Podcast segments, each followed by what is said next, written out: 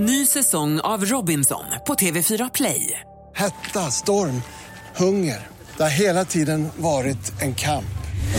Nu är det blod och tårar. Fan händer just nu. Det. är Detta är inte okej. Robinson 2024, nu fucking kör vi! Streama söndag på TV4 Play.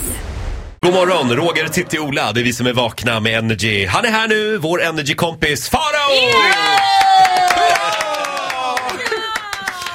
Gud vad jag längtar efter er! Jo, vi längtar alltid efter dig också. Mm. Gör ni det? Ja. Du har ju varit på firmafest. Det pratade vi om igår. Det gjorde vi igår, yes absolut. Du var i Frankrike med TV4-gänget där Ja. du också jobbar.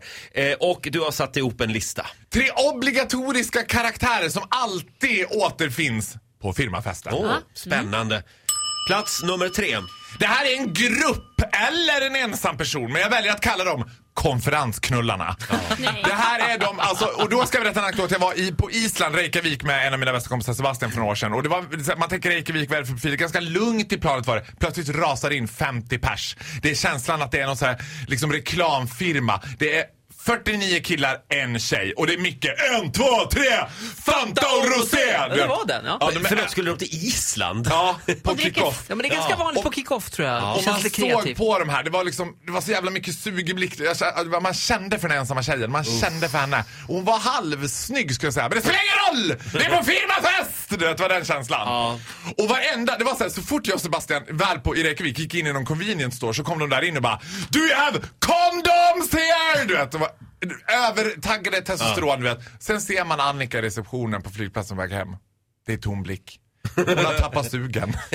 Det hon har varit med om, Ja, det kan vi inte Nej. ens fantisera om. Nej. Hon kommer inte ens vara med på Malou efter tio. Alltså, Jag, nu- jag tycker vi riktar en tanke till Annika. ja, riktigt en tanke till Annika. Plats nummer två. Den här tjejen, jag ska förklara den här tjejen så ni förstår henne.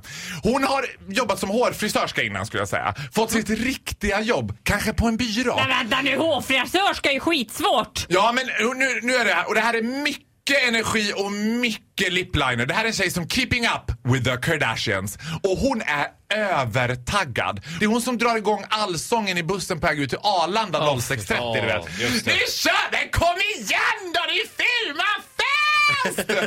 och han läste, ja jättekul verkligen Jossan men ja, kan vi, kanske så här på kvällen att vi kör det då ja. Nej men vad fan vad tråkigt! Shotbricka, shotbricka, shotbricka! Redan i buss. Redan i, ja, ja, men hon har på hemma redan. De innan. finns, jag jobbar med henne. Ja, ja, men vi, alla har, det här har blivit, alla har varit på firmafest Ja, med skjut i huvudet. Plats nummer Det är ett. spännande. Ja, det här är min favorit. Det här är en karaktär som ligger mig mycket varmt om hjärtat. Jag kallar henne Barnfria mamman. Det här är en ensamstående mamma, gärna med två barn, kanske i någon närförort i Stockholm eller en mindre svensk eh, samhälle. Som får åka på konferens. Och här har hon laddat.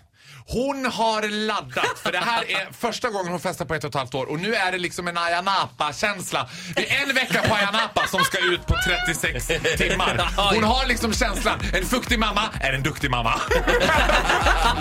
Där är tiden ute Faro. Vi säger tack så mycket för den här morgonen. Och jag tackar ödmjukast själv. Du får en applåd av oss. Ja!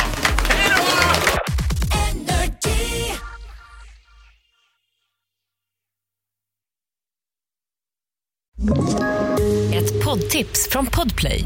I fallen jag aldrig glömmer djupdyker Hasse Aro i arbetet bakom några av Sveriges mest uppseendeväckande brottsutredningar.